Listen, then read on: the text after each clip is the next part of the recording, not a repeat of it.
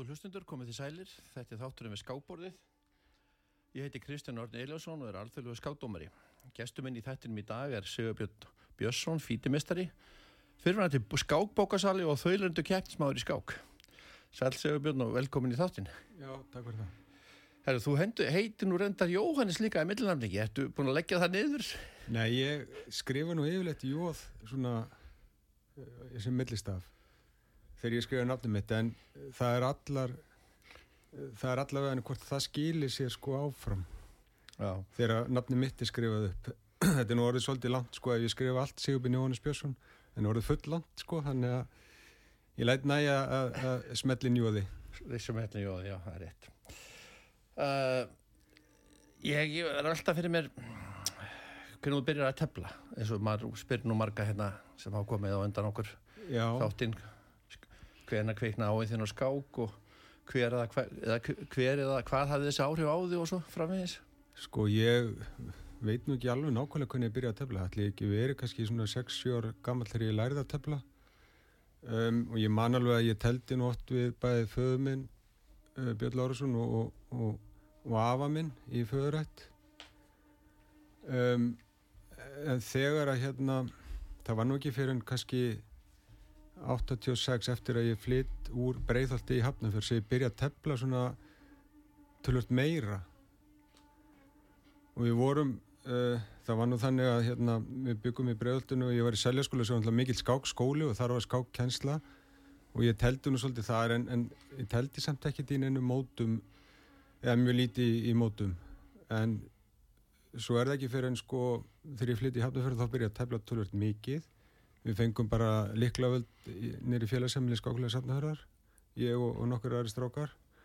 Og vorum þar all kvöld að tefla og svo hérna fór ég að tefla í mótum og komst inn á stegalista bara í byrjun ás 1990 teldi bara skangir Reykjavík 1990 og það var svona fyrsta alvöru kapskókmótum mitt og þá er ég orðin sko 14 ára og á 15. aldursóri þannig ég á nú svona til að setna komast inn á stegalista Já, var félagsemli hann á strandgötunni eða, eða? Við vorum henni dverg, húsi sem er búið að rífa núna hann er fyrir ofan kirkjuna. Já, einmitt bakvið. Já, hann er rétt við strandgötunni þetta stendur nú, eða stóð nú eiginlega við hérna um, við söðurgötuna og þetta var svona tröllvaksi hús sem að hétt samt þessu skemmtilega dvergur. Dvergur.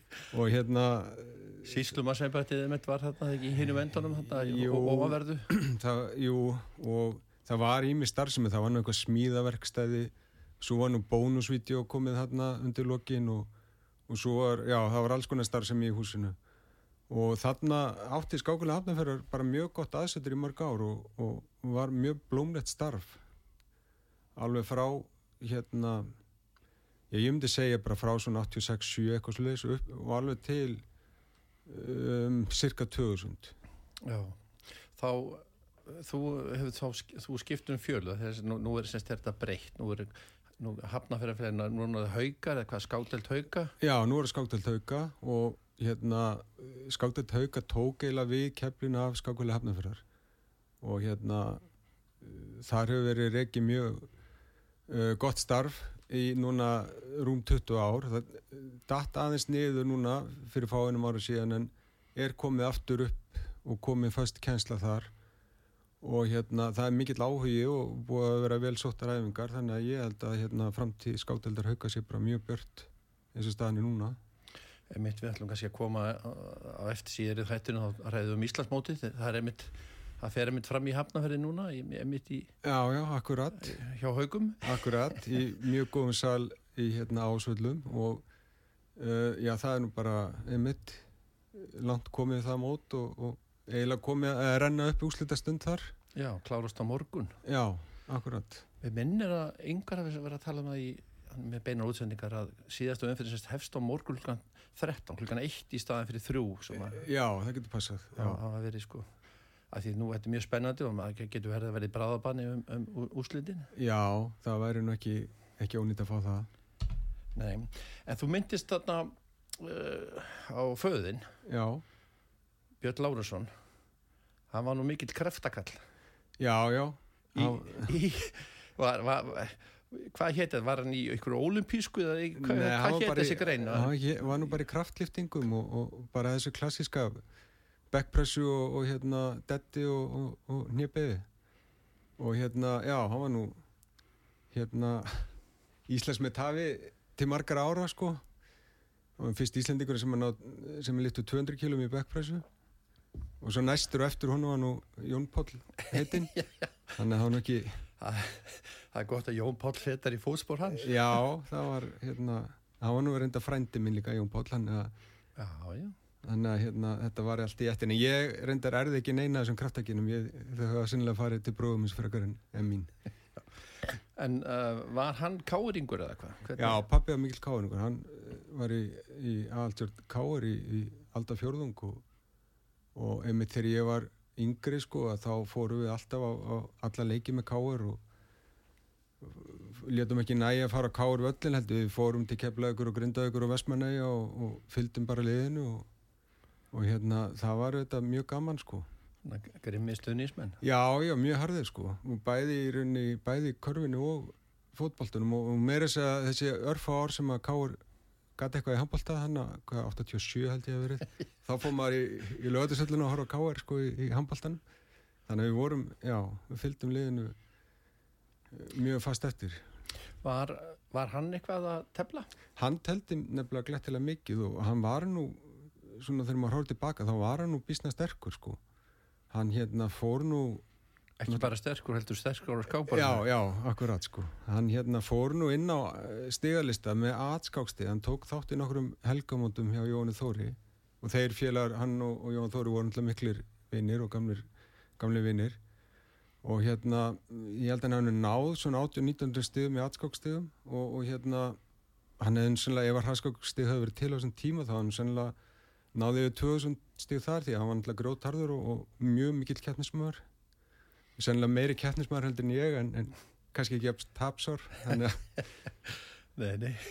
En uh, var, var stopnað uh, eitthvað taffélag eða skákfélag hérna í Káur á þessum árum? Þekkjur það eitthvað? já, það hérna ég þekki þá svo auðvitað eh, ágætlega sko, ég teldi mörgu sinnum í hraðskákmáti Káur þegar ég var svona kannski 14, 15, 16 ára eitthvað sliðis og hérna þá var engin skákdelt til í Káur þetta er þá verið svona kringu 1990 og upp úr. Og reyndar um gamna geta þess að hérna ég náðu nú að vinna þetta mót nokkru sinnum en einn aðal anstængum minn í þessu móti fyrir utan þetta pappa minn og, og, og mögulega Jón Þóri sem að líka teldi með að þá hérna var nú Kjartan Mokk sem að var nú fórum maður Tafélags Reykjavík fyrir nokkrum árum. Hann var þannig líka fasta gestur og, og hann vann þetta mót nokkru sinnum með mann rétt Það eru nokkri fyrirvæðandi formenn Tapilas Reykjavík sem er, er að tefla í Káur eins og Guðfönnur og... Já, já, já, svo nefnilega gerist það þannig að ég man nú ekki alveg nákvæmlega árið en, en það hefur kannski verið bara örugglega 80, nei, hérna 97, 8 eitthvað sluðis sem þeir loksins stopna bara formlega skákdelt káur og þá eru þeir búin að vera með eh, í rauninni æfingar á mándum í, eh, í hverju viku í nokkur ár. Og þetta voru sömu menni svo eru bara í forsveri fyrir félagi dag, Kristján Reynsson og, og fleiri. Já, Kristján Stefán og... Já, Kristján Stefánsson náttúrulega líka. Já, já.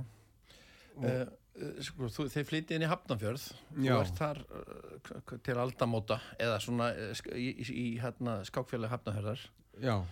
Ferð þú þaðan yfir í hauga eða fórst yfir í hellir bent hvernig, hvern, Ég fór beint yfir í helli, þetta var nú svona, þetta var nú kannski leðilegt hvernig þetta endaði með skákulega hafnafjörðar við svona, eh, einhvern veginn náðum ekki almennilega manna lið til að fara til Vestmanni og tefla Íslandsmót skákulega þar, af því að það átti að tefla fyrirlutan þar, þannig að við svona hálpartin gáist upp á starfinu og, og runnum svona inn í helli, allavega einhver af þeim stigahæri í félaginu og aðrir uh, stopnuðu skákdelt hauka þannig að hérna, já, fyrsta móti mitt Íslandsmann skákulega hérna, með helli var einmitt í Vestmenni þá fyrir hlutin þegar hrókurinn mætti í efstu deildi fyrsta skipti. Já, hvað, 2001 eitthvað já, sennilega verið 2001 Já, og, það var auðvitað stór skemmtilegt að taka þátt í, í baráttunum við hrókin. Við, þannig helli voru nú sennilega næstu að þriða best liði öll þessi ár sem að hellir, nei sem að hrókurinn var að vinna keppnina þannig að við vorum svona einalegi sem að veitu um einhverju smá keppni. En hérna en skátild hauga var stofnuð þá á þessum tíma líka. Og ég hef svo sem aldrei verið félagið þar og, og var bara í helli mörg ár fór svo í Tafélag Vestmanni nokkur ár og er svo núna í skátild fjölunis Helga Átna og kom. Já, ég er örglað hérna, er, ég er ekki vissum að þessi margir ja, svona virki skápendur eins og ég sem hafa telt fyrir að fá lið í Íslandfrönd skákulega því að menn eru svolítið að flakka milli sko en ég er nú búin að vera nokkuð stabil Já, líka eins og núna erum við með úrvalsteld eða sérst við erum með svona efstöðeld hjá okkur. Já. og hvað fjóradeldir og, og hérna þegar menn eru sterkir þá, þá, þá vilja menn svona fara í, í sterklið og vera keppum titilinn. Já, Þannig... það er svona svolítið reyfing á þessu sterkustu alltaf og, og sem er bara gott málu þetta og hérna en ég svona verið alltaf fyrir ykkar íhaldsamur og, og ekkert verið mikið að, að skipta um félag. Já, nei. En uh, að þú talaður um hana 86 og svona þau byrjaði að tefla ykkur yngum 86 og, og kannski svona 1990 hvenar hefst þessi áhigðin var, var það eitthvað í kringu 1988 kannski? Já, ég hugsa nú að hérna þetta var auðvitað, 88 var auðvitað rosalega stort ári í skákinu á Íslandi alveg að því að það byrjaði náttúrulega bara ári byrjaði því að Jón Hertarsson vann kostnáði í þessu fræga innviði og þá var nú bara staðan þannig að við vorum bara með beinar útsendingar á hverju kvöldi og, og allt í nú var það að fara að skipta öllu málu fyrir þjóðinni í hvaða peysu Hallur Hallsson var. Og hjátrúin var slík. Og hérna þá auðvitað drakk maður í sér skáka á þessum tíma. Og, og hérna ég held að, já, ég byrjaði nú að verða áskrifendar New Chess á þessum tíma líka til að svona hafa eitthvað etnin til að stúdira sem er svona tímaritt skákmann já, sem er svona eitt, eitt elsta og, og virtasta tímaritt uh, í skákheiminum. Og hérna þannig að já, maður fór að stúdira tölvört mikið þessum tíma og, og ég held að það megi alveg þakka þessari svona í rauninni litlu sprengingu í skák sem var þarna á Íslandi upp á 1990, ég held að megi alveg þakka Jóhann Hjertesson og hans sigri í einvinningi að kostna fyrir það. Og, og auðvitað líka allir fjórmenningaklíkunni svo kallari þeir auðvitað stóðu sér frábælega á olimpíumótum 86 og 92 náttúrulega alveg rosalega vel. Þeir eru sjötta seti í Manila Já, voru ekki tvísar svona í sjötta seti? Nei, voru í fymta seti hann í Dubai 86 Já. en svo náttúrulega í 92 þá er auðvitað búið að verða þessi breyting á landamærum þannig að það er allt í hún komin sko Sávitrikinn Já, fullt af löndum sem áður teltu undir einu flaggi þannig að sjötta seti í Manila 92 var nú alveg örgla betri árangur heldur en fymta seti í Dubai 86 Það gerir sérlega ekki grein fyrir þessu hvað, við vorum hátt skrifa eða skrifu sem þjóð í skákjöfinum hérna á þessum árum? Nei, ég held að það gerir sér mjög fáið grein fyrir því vegna þess að hérna, þetta er náttúrulega stórkosleir árangur. Og eh, að því að þetta var ekki þannig að liðinu hafa bara skóla á land þannig loka umferðinni með einhverju stórsigri heldur bara voru varlið í topparatunni öll þessi mót. Og hérna teldi við Sovjetrikinn og þá Rúsland þegar það var 92 og hérna teldi við Hollendika og Englendika og, og hvað, já, hvað heit allir þessi lið? Já, já. þannig að þetta var stórkvæmslegur árangur og, og hérna já, svo má bæta við líka 88 þá var þetta heimsbyggarmóti skákhaldi henni í borgarleikusunnu og það var líka einmitt sjónvarp á hverju kvöldi á stöð 2 og hérna stöð 2 var náttúrulega til dæla nýr hlutur á þessum tíma sko, við vorum búin að setja við einokun ríkisútvöðsins í, hérna ára tínu undan. En svo var hann að koma um fesk sjónvarstöð sem bara var til í að sína eitthvað svona og sinna þessu bara óbúslega vel. Og hérna þetta vakti greiðlan áhuga hjá fólki. Að fá bara frettir af, af skák og og skákskýringar og svona hérna háu stíi kvöld eftir kvöld, það er náttúrulega að skila sér á einhvern hátt. Við vorum með, já, við vorum með okkur bestu stórmestari vildi þessu Jón Ell Árnarsson og fyrsti heimsmeistarinn okkar og já, já, Jóhann Hjartarsson og, já, og svo framvegis. Helgi alltaf og Marger, já. Já, og svo kom Karl Þorstins oft í, hérna í sjónarbyð og var að skýra og, og hann náttúrulega gríðalega blöð skákmaður. Teldi, var auðvitað varamæður í, í leginni í, í Dubai sem hann á þessum stórkvæmsláður Mér minnir þú þekkir þetta betur en ég en hérna Helgi Ólfsson þegar hann kom inn í þáttinn hann, þegar þið voruð hérna í, já þá uh, voru þeir heldur með Kaspar og Karpa á fyrst og öðru borði. Já, og held, náður ekki jafntefli við þá? Sko, jú, þeir hérna gerði jættibli 2-2 í, í Dubai 86 þá var það nú þannig að ef maður rétt að Kaspar vann Helga Ólason á, á fyrsta borði. En margir vann uh, so, þá var þetta sovjetmistari sem hafði unnið sér rétt til að tefni sovjetska liðinu vegna þess að hann var sovjetmistari það var Tcheskovski hétt hann, hann er nú fallið fráblæsaður. En margir vann hann í held ég skák sem fór í byð og, og, og hérna náðu að klára dæmi þar og, og, landa það jættefli gegn Sovjetryggjunum sem var náttúrulega Sovjetryggjun unnum mótið af já, miklu öryggi. Og þetta var þeirra uh, einvið Karpós og Kasparós þessi fimm einvið sem urðu þarna frá hvað 84 til 1990 þau voru þarna í hámæli á þessum tíma sko. Mm -hmm. Kasparov uh, var til dæla nýjórið heimsvestari og hérna hann sagði nú bara einhverju viðtali sko að það að vera ekki að teflaði Karpov og hún er liðið bara eins og belju á vorin sko að vera hérna. Hann gæti bara alltaf inn að fara að leifa sér eitthvað sem hann gæti ekki leift sér um átti Karpov. Hann þurfti ekki að leika alla leiki að 100% nákvæmni Já, hann bara refsa strax ef hann gerir ykkur mistök. Já, þarna var hann teflað við einhverja, hérna, einhverja minni spáminina gæsalappa sko í hans augum þá. Og hérna hann gæti bara að fara að leifa sér hluti sem hann hafi gett getað left sér í, í einveginu í Karpov. Fyrst þú nefnið þetta þá get, kannski við stökkum aðeins bara í, í, núna í dag yfir í heimsbyttaræfið sem var núna um daginn og hérna Karlsson sko var, tók ekki þátt. Já. þetta voru orðið svona jafntefli þetta var svona mönnum, þetta var ekki eins skemmtileg sjónasefni en, en núna var þetta mjög spennandi því að menn voru að vinna og til, til, til skiptist ég held að báðum hafi bara liðið svona eins og belli og vorin sko að þeir hérna bara mættu og teltu og, og, og gerðu kannski mistöku þá bara kvittur fyrir mistökinu í næstu skák. En þetta var, það var einhverjum samt eiginlega að segja eins og er að það að Nebo hafi ekki unnið inn við það var nú eiginlega algjör grís á Ding. Hann kom alltaf tilbaka aftur. Já og hvað var það í næst síðustu skákina sem að Nepo var náttúrulega bara komið unni sko en lekið bara nýri tap í nokkru leikjum og, og þá náði Ding sem sett að, að jafna metin og, og svo knýja fram brábanna og það, það sem hann vann. Þannig að ég, já, ég myndi að segja að Ding hafi nú hérna auðvitað, hann vann, hann varð heimsistöri þannig að það er svolítið verðskuldað en hann hafi nú stríðskjæðina með sér og hann var bara búin að tefla fjóra skákir þarna áður en hann var, sko, hafði ekki rétt þess að mæta hann hann var eitthvað 20 skákir sem hann var bara að tefla hann var bara að tefla fjóra Já, já, mitt þetta var Þannig að hann var kannski ekki í mikill æfingu þegar hann mætti. Nei, nei, þetta, þetta bar allt sem hann mjög skringilega að. Og maður kannski alveg segja það að Karlsson hefði alveg mátt vera svona skýrari bara að segja strax áður en áskorðunamótið hófst að hann ætlaði sér ekki að verja titilinn en hann einhvern veginn vildi haldi svo opn upp og ef einhver ákveðin anstæðingur myndi eða semst einhver ákveðin keppandi myndi vinna á, áskorðamótið og þá var það fyrir úsja ungi Íranin já, já. sem nú tefli fyrir frakka. Ef hann myndi vinna áskorðamótið þá ætlaði Karlsson að tefla hensustrein við.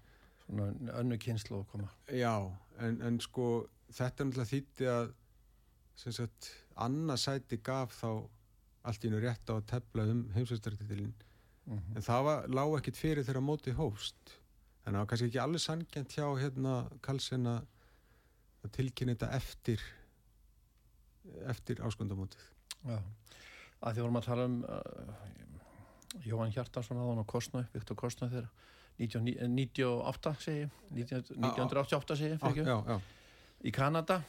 Já. og, og þetta var 16 um, þetta var, voru 16 manna úrslit eða sérst það var kandidatmótin. Já, einmitt. Og hann að Jóa, Jóan sérst bara vann kostnáði hann hann vinnur hann fjórar og hálfur, þrýr og hálfur. Já, einmitt. Kemst áfram í, í quarterfinals já. Og hérna þá tefnir hann sjálfan Karpov. Já, einmitt. Og það var þetta mjög stórt. Mm -hmm. þá var hann koðin sagt, meðal átta bestu skákmann í heimi og hérna mætir Karpov á þeim tíumböndi sem að hafði komist sjálfkrafa inn í þessi kvartirfælun þessi áttamann úslit að því að hérna hann hafði telt uh, heimsastrænu við Kasparov 87 sem hann tapæði ja, já, tapa á jöfnu Mm -hmm. og hérna uh, þá fekk hann þennan rétt og, og Jó, hann átti nú þá var nú tölut á brattan að segja hjá Jóni þar. Karpov auðvitað rosalega sjóaður innviðismæður búin að tefla þessi tvö svakalu innvið við Kostnað og svo búin að tefla við Kasparov. Fyrst eh, langa innvið 84, svo 85 og svo 87 og 87 þá er henni var náttúrulega Karpov næstu búin að ná tillin tilbaka. Hann var 12-11 yfir fyrir síðustu skákina. En Kasparov náða að knýja fram sigur og reglunum voru þannig að að heimsveistarinn held tillinum á jöfnu og einvið endaði 12-12 og, og Kasparov held tillinum þannig Já. Var hann orðin eitthvað veikur? Þetta var, þetta var svo langt einvið að hann var orðin eitthvað... Nei, það Var var kannski þarna í fyrsta einviðinu sko sem var 84-5 Já, já, alveg rétt. þetta einvið sem var 48 skákir þá var hann alltaf orðin frekar illa haldinn og menn hafa nú svo sem ímsar kenningar um hvað, hvað olli því en hérna þá einvið var sem sagt stöðu að eftir 48 skákir þá var Kasparov búin að vinna allt í um tvær skákir í röð og staðan var 5-3 og ég ætti ekki að tala með. Og reglunum voru þá þannig að, að að fyrir myndi vinna 6 skákir myndi vinna einvið og hérna Karpov var komin í hvað 4-0 eftir 9 skákir og 5-0 eftir ég mann ekki alveg hvort var 15 skákir eða hvað. Mhm. og hérna einhvern veginn náði samt Kasparov að þrauka og, og náði svo að vinna þannig 47. og 48. skákina og þá stöðuði Kampov manni svo fítið inn við og sagði að þetta væri komið út í villisu Ég sé hérna að, að Jó, hann hefur allavega að móti Karpov sem alltaf fyrir hann til heimsmeistari og einn allsterkasti skákmaður sko, fyrr og síðar það er hægt að segja það núna að hann hefur gert þrjú játtöfli við hann og þetta fóð sinast þrýra hálfur, einna hálfur Já, Karpov fer áfram í, í, í semifinals með Júsipov, vinnur hann fjórir og hálfur, þrýra og hálfur. Já, og svo Timman í, í úslitum og vinnur hann sex og hálfur, tveira og hálfur. Já, akkurat. Fer svo í, í þá svo farað 1990 þá keppa, keppar hann við Kasparov. Já, það er einmitt einvið sem fór fram í Lyon í Fraklandi og New York í, í, í bandaríkjunum. Og hérna Kasparov vann það einvið frekar öruglega það var, ég mann ekki alveg lokatölunar hvort það var tíu hálfur nei, hálfur, tíu hálfur eða hvað. Og Kasparov var meira sem ég mjög góð stöðu í lokaskákinni Ég er að velta þið fyrir mig ef við ekki bara fara í auðlýsingar núna Já, og koma svo bara strax aftur? Já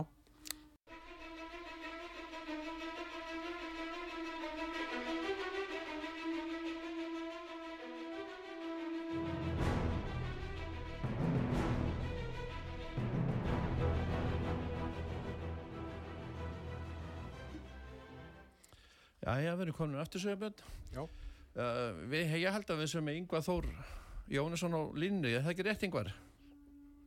Það er rétt. Já, þú ert stattur hvaðin í skáksambandi Já.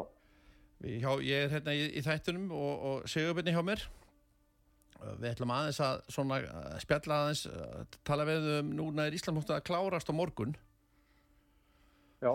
Það er sagt uh, hvað, tíunda umferð á eftir og öll eftir morgun byrjar hún klukkan eitt Fyrir komið þrjú núna eftir og, sérst, já, og svo eitt á morgun. Þetta er ásvöllum í Hafnarferði er félagstemli hauka og það er allir velkonir Það er svo sögð, það er hérna aðstæða fyrir áhörundur. Gengi inn hann að hæra megin við aðar eingókin með ásvölum. hvernig, hvernig er staðan í mótunum hvernig, Já, staðan er þannig að það eru tveir sem hafa verið svona eiginlega sérflokki og það eru þeir Hannes Lífa Stefansson og Guðmundur Kjartansson.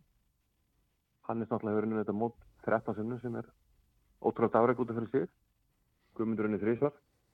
Uh, Guðmundur vann Hannes í fyrstumferð en síðan þá er Hannes búin að vinna alla skákir. Það er með áttafinninga á nýjum mögulegum og Guðmundur er búin að missa niður einn og hálf hálfvinningi eftir Hannesi. Og svo er reyndar Vigni Vatnar að standa sig vel líka og hann er vinningi eftir og fær Hannes í síðustu þannig að þetta er svona það eru þrý sem eiga möguleika tillunum og eru mjög spennandi.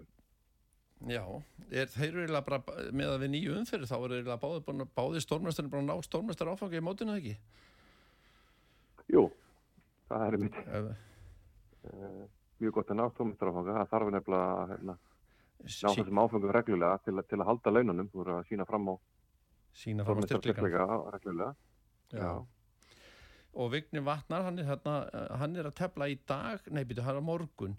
Í, í dag eru hverjir að mætast? Guðmundur fær, Guðmundur Kjartansson fær Jóhann Ingvarsson. Já, Svarta Jóhann Ingarsson, Og- kapitan, sem er svona, já, náttúrulega á, á að vera vinningur á pappir, en Jóhann hefur nú verið að, að stríða mönnum, skilinlega. Uh, hann er svona kvitt á Jóhann, við vorum að tala um á hann Jóhann Hjartarsson. Það er alltaf erfið skák, ég held, að hann er sig ekkert, ekkert auðvöld með Jóhann. Nei, Og svo uh, vignum með Svarta Braga. já Þannig að þetta verður mjög spennandi í dag og, og það, þetta, það geta verið að þess vegna stað upp uh, ja, jafnir eftir umfyrirna, fyrir lokaumfyrirna. Það getur þannig. Og eiginlega ekkert ólíklegt að við fáum bara aukakefni um titilin. Er þið hún þá bara strax á morgun eftir umfyrirna eða hvað? Stittir skákir? Ég held að, já, ég held að sé þannig. Segum mér einhver, ef að það kemur til þess að vera auka keppnið milli segjum Guðmundar og Hannesar, hvor heldur það sé líklari? Ég myndi tippa á Hannes. Hvers vegna? Mér finnst að vera, já, mér finnst að bara vera að tefla betur og mér er reynslu að svona af einu í um. En Gummi vann hann í, í, í fyrstum ferð. Já, já, já, hann átti á hann, mér það nú svolítið hefni, hann trúður eitthvað enda, endartablið hann að Átti aldrei að tapa. Undan En ekki mér finnst bara, síðan þá, mér að búin að vera rétt á kúlnum. Ég, ég veit ekki að eftir þá skák, þá var ég, var ég nú ekki að sjá fyrir mér að hann var myndi vinna átti röð. Hann er búin að tefla við skínandi vel, já það er náttúrulega ótrúlega sigling að vinna áttaskáki röði í svona móti. Já, bara á ekki gerast, Nei. það hefur kviknað á Hannesi eftir að hann tapaði fyrstu umferð. heldur betur. Já, þetta verður verður gaman að fylgjast með þessu. Síðan eru við með sko, Lenka var að standa sér mjög vel hérna, sérstaklega í upphafi móts og, og, og hérna og Ernánsson sem að standa sér, hún er að tefla vel eða ekki. Jú, jú, Og Hún er hérna ásamt Jóhann Ingvarssoni langt stigalæst og þau eru að tepla alveg 300, jafnvel 400 stigum upp fyrir í hver einstu skák. En hún byrjaði með, með því að fá 2,5 vinning. Það var alltaf mjög, já, hún var efst eftir Var þrjá, efst, þrjá ég var umferði. Ein efst eða ekki? Já, já. þessi þrálega fyrir. Uh, ásamt Guðmundi, Mm en svo tapa hún fjórum röð. En hún er samt verið að tepla, utan eina skák, það var ekkert sett skáka mútið Hannesi. En svona heilt yfir bara verið að tepla vel og, og, og passa tíman betur en hún oft gert. Alltaf verið tímarækki en, en þau eru einhvern veginn, og það hafa verið að vinna í því og hætti að vera tímarækki. Hefur mist, hvað, tvær jafntöfli skáki niður í tap eða ekki? Jú, hún svona- átti ekki að tepla í gærum átti Hilmi, það var alveg fín skák, en svona var Mm. trikkuð hann alveg, alveg í lokin. Og svo var einhver, einu viðbúr sem hann ekki alveg. Hilmir. Freyr er uh, Heimisson, hann er hérna, hann er alþjóðlegu mestari og hann uh, ætla að ná ekki stórmestar áfanga ef hann vinnur tvær síðustu sem hann ætla að verður erfiður óður. Já, hann þarf að vinna tvær síðustu en, en það er helvita erfitt. Þannig að ef hann vinnur þær þá er hann bara fullkomlega skilið. Það er í dag kvitt á Hjörvar Stein og á morgun svart á Jón Hjartarsson. Já, já, Það er svona ólíkita tól. Þannig ég myndi ekki, ég myndi ekkert útloka en, en það, er, það er ekki, þú fengir ekki, ekki stuðun hérna undir teimur sko. Síðan er einn annar, það er Alexander Domelsjúk. Uh, Hann hann, hann er í góðum möguleikum bara með ná alþjóðlum áfanga þegar ekki. Uh, ég held að það sé mjög tæft. Ég man ekki hvort að, að hérna, þótt hann ná vinningurum að þá vant hann eitthvað smá upp á. Rating performance Það er hendur svoleiðis. með 2.47 ef hann sem þremstöðum undir, Já, undir árangri. mhm. Já, það er heldur hart ef að, ef að minna svo litlu. Já, það getur verið sveikandi. Já. Menni þurfti að vera aðeins stiga herri hérna, kannski nefndir þetta mjög stert mót sko. En er, er ekki hægt að fyrir hann að því að hann tapar í fyrstum fyrir fyrir lengu, er ekki hægt að stróka þá skák út og telja bara tíu síðustu, má, má það ekki? Nei, ég held mig bara strók út og vinnur. Já, það er þannig, já, já, já. Já, Það Já, er mátt- gott að stróka út. Þú maður stróku út eftir tíu, sérst eftir tíu umferðir, þess að tíunda og elletta þó. Já, já, annarkort, sem sagt, já, þú tapar tíu, þá, þá er með tíu umfyrir áfanga, það máttu stróka það át, en ekki, á undan. Já. já. En þarna við, við kíkjum kannski á það eftir, allan á morgun og hérna, ef við ekki segja það bara gott í bílisöfum, er eitthvað me- meira sem vilt spyrja? Nei, bara hérna, spenntu fyrir lokasprættunum. Og þú verður með þetta á, á YouTube á eftir ekki? Já, það er YouTube og hérna, það teng, tengir inn á skakmóturis, menn við erum fyrkast með því. Já, já, Byrjum svona fjöguleitið. byrjum fjögur í útsendingum. Herðu, segjum þetta gott á og þakka þið fyrir.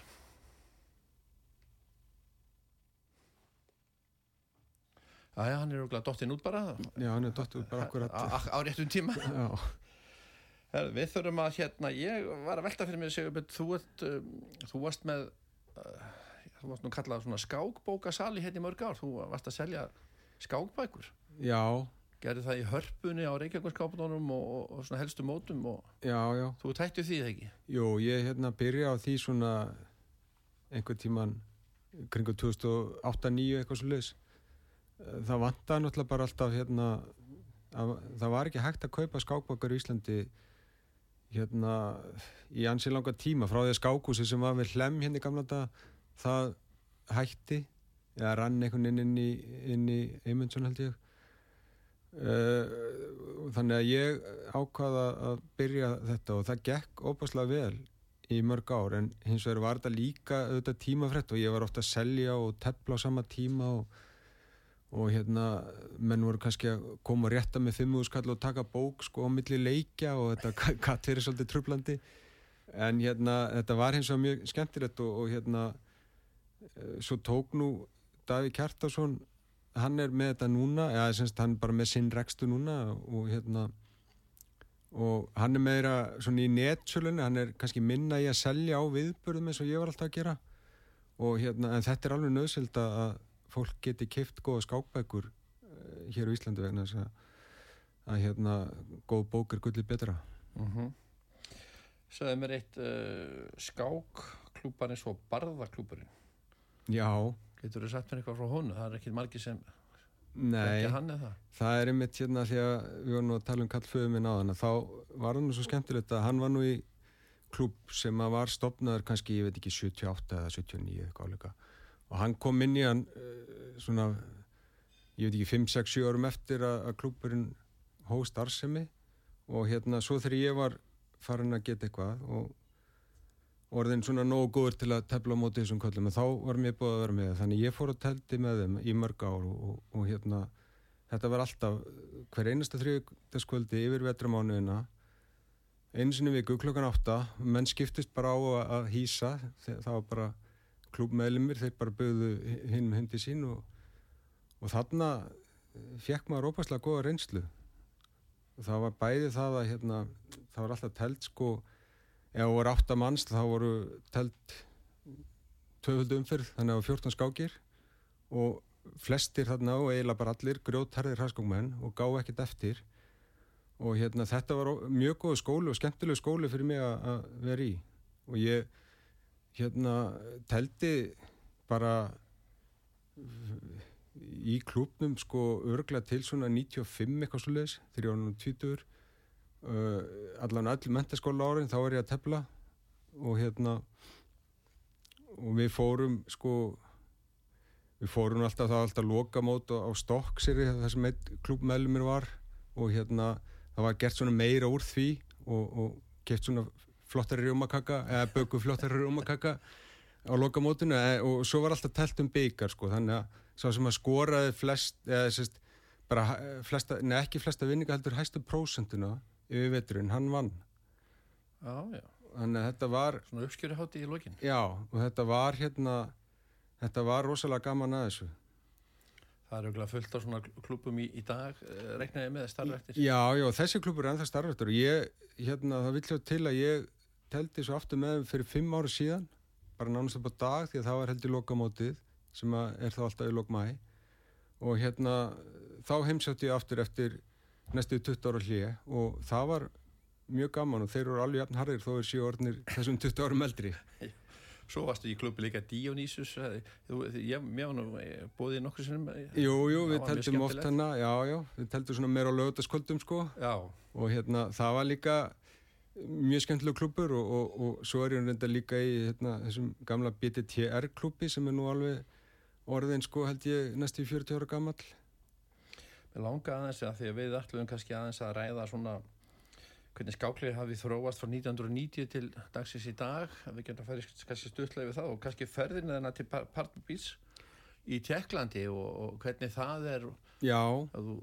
sko það er þetta svolítið gaman sko náttúrulega við búum svo vel hérna á Íslandi við getum farin á tímar.is og lesið blöð mörg ára aftur í tíman ára tíu aftur í tíman og ef maður fer til dæmis bara og, og flettir upp morgunblæðinu frá janúar hérna segjum bara 15. janúar uh, 1987 að þá getur maður séð sko á baksíni þar eru frettir af, sagðar frettir af skáðingi Reykjavíkur og það, það er alltaf einhverja skákfrettir í gangi og þessa aðtegli hafði skákin lengi vel en hún hefur hann náttúrulega ekki í dag, ekki í sama mæli. Og hérna þessi mót eins og skáðingi Reykjavíkur sem ég náttúrulega myndist áðan líka uh, varandi hérna, það var svona fyrst alveg móti mitt að þessi mót náttúrulega þau hafa aðeins látið á sjá í gegnum tíðina. Þau er ekki jafn, svona öllu eins og voru og þau er ekki jafn mikið svona viðburður eins og voru.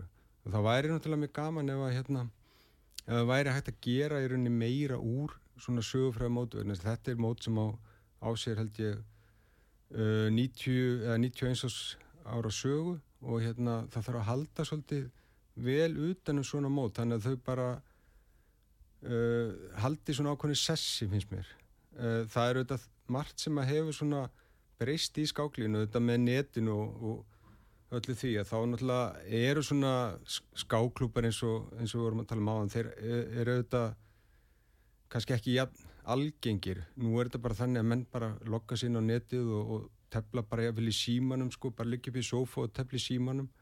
Og þetta er auðvitað allt öðruvísi heldur en þetta var í gamla daga. Ég veit ekki, kannski þarf bara skákhaumurinn að aðla sig að þessu en hérna, en það er líka ákveðin söknur frá þessu, þessum gamla tíma þar sem að hérna var svona gert kannski hans meira úr hlutunum. Og það má að samanskapi segja með Íslandsmóti að, að það kannski var meiri frétta viðbyrð en ég verð reyndar að minnast að það bæði held ég stötu og rúf hafa nú verið með einskott frá Íslandsmótinu og ásvöldinu núna þannig að kannski er þessi mikla sprenging sem er í skákinn þessi dagana kannski er hún að skila sér inn í þessa auknu umfjöldun uh mhm. -huh.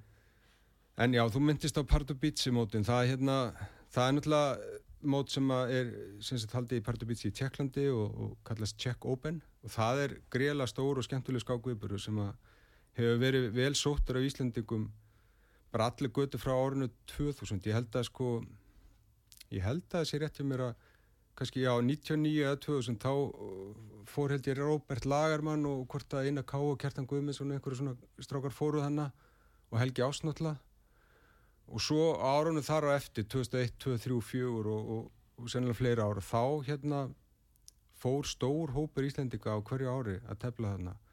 Og þetta var óbúslega skemmtilegur viðbörðu því að það var ekki bara það að það veri skákmót þar sem að hérna var skipti A, B, C og D flokk eftir stigum. Og A flokkur er þá 2200 og herra og þar voru kannski 20 stórmestarar og, og 30 alþjóðlumestarar og, og 40 fýtumestarar og, og svo bara allir skalinn og hérna en svo líka náttúrulega það sem gerði þetta mót mjög skemmtilegt þetta var haldið hann í Pardubice sem er svona lítill krullur, eða svona ágætlega stór borg í Tjekklandi og þar var alltaf haldið fótbóltamót samlega hérna skákmótinu. Og við Íslendika við náttúrulega tókum alltaf þátt í því og náðum að vinna nokkru sinnum. Og hérna þetta var uh, rosalega skemmtileg upplifin þetta, all, eh, þetta er alltaf haldið svona setnipartin í júli þegar bara saumarhittin er hvað mestur. Og hérna já, ég myndi hvetja í rauninni alla þá skákminn sem er að leita sér að skákmótum til að fara á Erlendis þá er þetta mót sem að ég myndi tímalust setja bara í fyrsta seti og svo fjölbreytt það er svo margi flokkar og, og já. fer, þú, ef þú ert kannski byrjandi þá getur þú farið bara í byrjandaflokk. Já og, og, og menn geta fundið sér alltaf eitthvað við sitt hæfi sko. Og menn eru að fara að tefla við bara anstæðinga svipuður ekki og þeir sjálfur og þeir sem eru með mjög metnað og geta komist í aflokkin þeir geta telt þar og náða fangum og eða kæft um það. Þannig að hérna, þetta er auðvitað eitt af þeim mótum sem að sitja eftir í minningunni sem alveg gríðarlega skemmtilegir viðbörður Svo eru ódýrt í Tjekklandi ekki?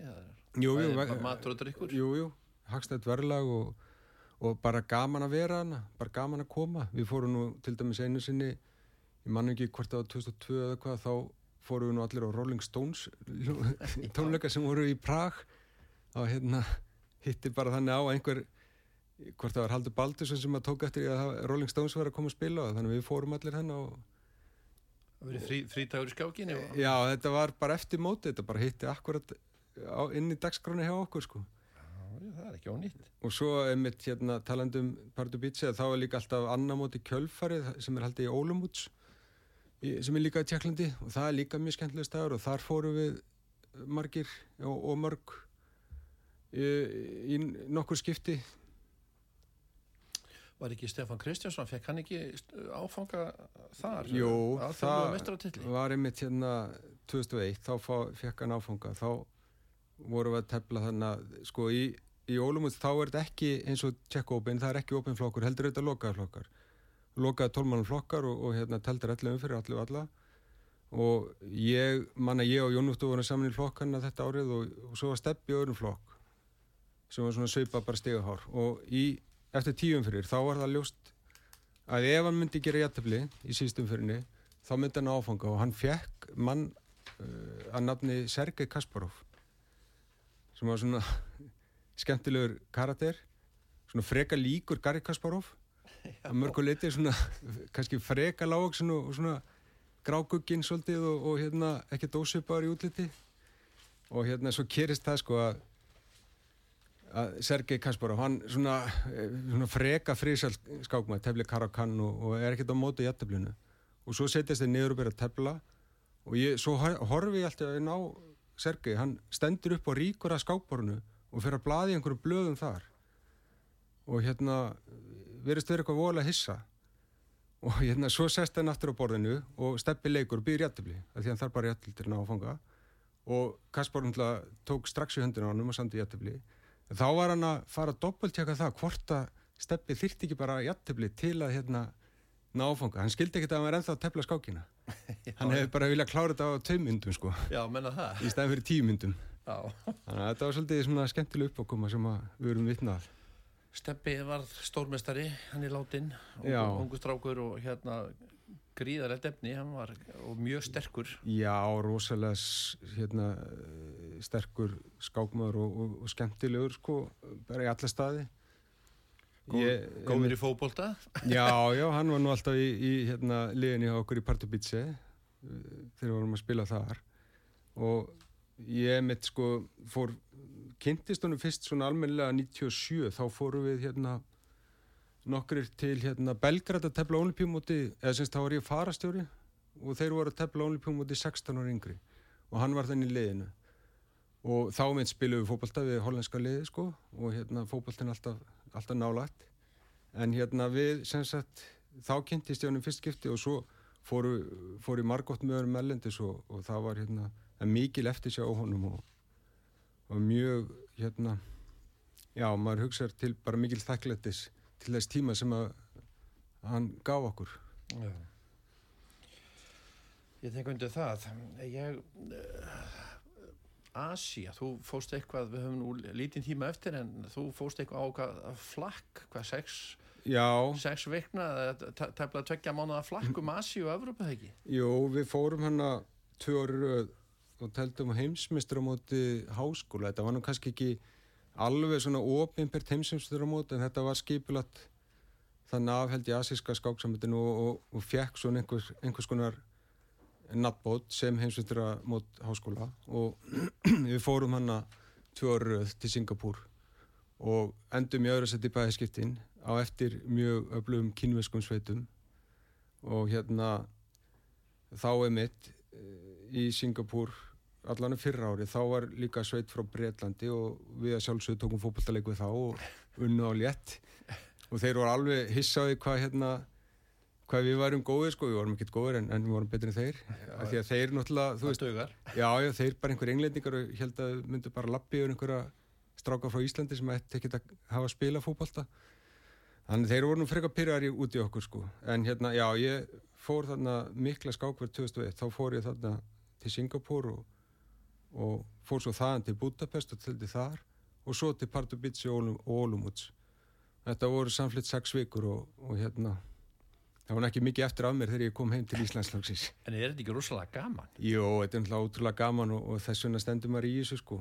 Þetta er hérna ótrúlega gefandi bara að, þú veist, að því að minningarna, svo er ég núna sko 20 ári setna, þá er maður að gruska og skoða þetta aftur í tíman og ég með tók þetta því að hérna, ég teldi líki Party Beats 2002 og það satt alltaf í mér, ég tapaði fyrir einhverjum ungum stráki síðust umferð. Og skákin, skákinu var ekki, alltaf, all, ekki allar slegnar inn. Uh, þannig ég vissi ekkit frekar deila á þessum unga skákmenni þannig að það flettis upp um daginn. Og þá sá ég að þetta er strákur sem heitir Viktor Lastníka og er hérna teknísku stórmestri í dag sem hefur farið í 27 þannig að það var hann kannski ekki alls slemt að hafa tapað fyrir honum. Þannig að þú er jafnaði. Já, loksins sko, 20 ára setna Ég, sé, ég ætla að fara við svo mikið með þér ég held að við, hérna, ég verði að fá þér eitt mann aftur í, í þáttinn og, og það er svo margt skemmtið sem við þurfum að ræða. Já, það er heilmart eftir og, og hérna maður er bara að hissa hvað tíminn líður rætt mitt hann flýgur frá okkur. Já. en uh, að því við ákvæmum að spila ekki lag í, í hérna, eftir auðvisingar við ætlum að spila núna í lókin bara og hvaða lag valdur við? Ég ætla nú bara að vera trúr mínum hérna upprinn og velja lagi One Tree Hill með U2 Eitthvað sérstök ástæð fyrir þessu lagi? Nei, þetta nú kemur nú bara af þennan plötu Joshua Tree sem kom nú út hvað 1987 ef maður rétt og enn og eiginlega bara uppáhaldsplata mín bara af öllum plötum í heiminum mm -hmm. sem að ég hef hlustað á og hérna og þetta er svona eitt af bestu lögunum að þeirri plötu og, og já en engin sérstök merking á öru leiti bara frábært lag finnst mér. Já, þættunum við skábborðið lokið í dag. Ég þakka gestum mínu Sigurbjörni Jóhannessi Björnssoni, fítimestara fyrir komin í þáttin og fróðlut og skemmtileg spjall. Og einar er Kalli Gunnarsinni og Þorstinni Sigurssoni þakkaði fyrir tæknumál og stjórnum útsettingar og hlustöndum öllum fyrir hlustununa og ég heiti Kristján Örn Eliasson verið því sæl og góða stundir. Við fáum svo lagið